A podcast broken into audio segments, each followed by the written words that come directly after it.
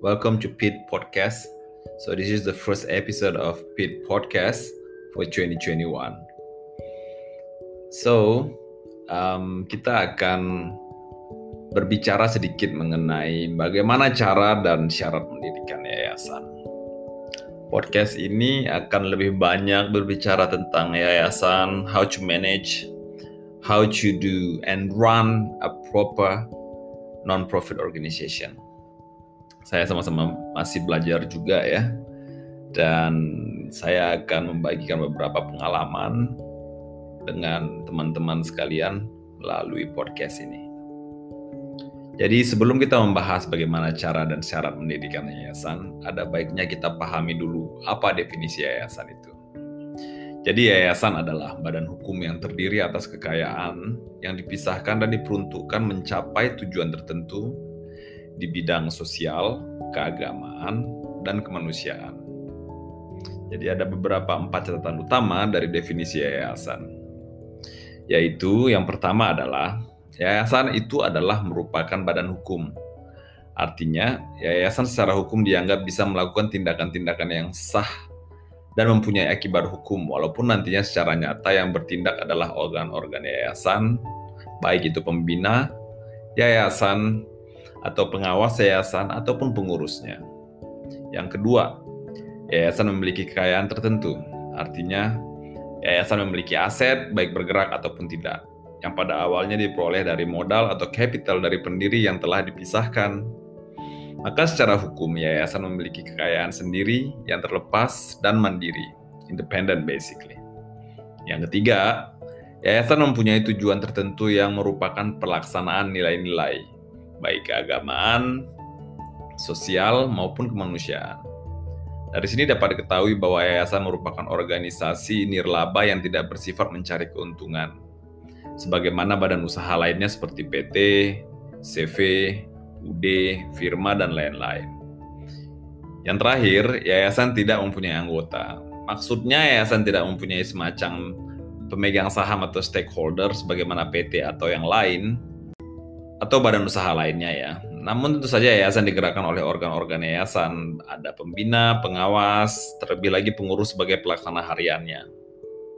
Jadi itu adalah empat catatan utama dari definisi yayasan itu sendiri. Jadi yayasan memiliki kekayaan sendiri yang dipisahkan dari kekayaan pendiri atau pengurusnya yang digunakan sebagai first capital modal awal untuk melakukan atau melaksanakan kegiatan. Adapun jumlah awal yayasan sebagaimana ditentukan oleh pasal 6 PP nomor 63 tahun 2008 tentang pelaksanaan undang-undang tentang yayasan adalah sekitar senilai ya, senilai 10 juta rupiah. Senilai di sini maksudnya bisa berbentuk uang ataupun barang, baik barang bergerak maupun tidak bergerak. Jadi dasar hukumnya ada di Undang-Undang Nomor 28 Tahun 2004. Jadi ini bisa saudara baca nanti tentang perubahan atas Undang-Undang Nomor 16 Tahun 2001 tentang yayasan. Jadi ada juga PP-nya Peraturan Pemerintah Nomor 63 Tahun 2008 tentang pelaksanaan undang-undang tentang yayasan. Nah, ketika saudara ingin mendirikan yayasan ini ada beberapa dokumen yang perlu diurus ya. Jadi ada dokumen-dokumen penting yang perlu kita perlengkapi. Yang pertama adalah akte pendirian yayasan dari notaris. Yang kedua ada surat keterangan domisili ya dari kelurahan dan kecamatan. Yang ketiga ada surat keterangan terdaftar atau NPWP dari kantor perpajakan. Yang keempat surat keputusan Kementerian Hukum dan HAM Republik Indonesia. Ini penting ini. Yang kelima, pengumuman dalam lembaran berita negara RI dari Perum Percetakan Negara RI. Yang keenam, tanda daftar yayasan dari Dinas Sosial. Dan ada lagi yang lain adalah syarat dan dokumen yang diperlukan dan disiapkan untuk mendirikan yayasan. Jadi ini perlu saudara perhatikan. Yang pertama itu ada nama yayasan, yang kedua jumlah kekayaan awal yayasan, seperti yang dibilang tadi ya minimal 10 juta.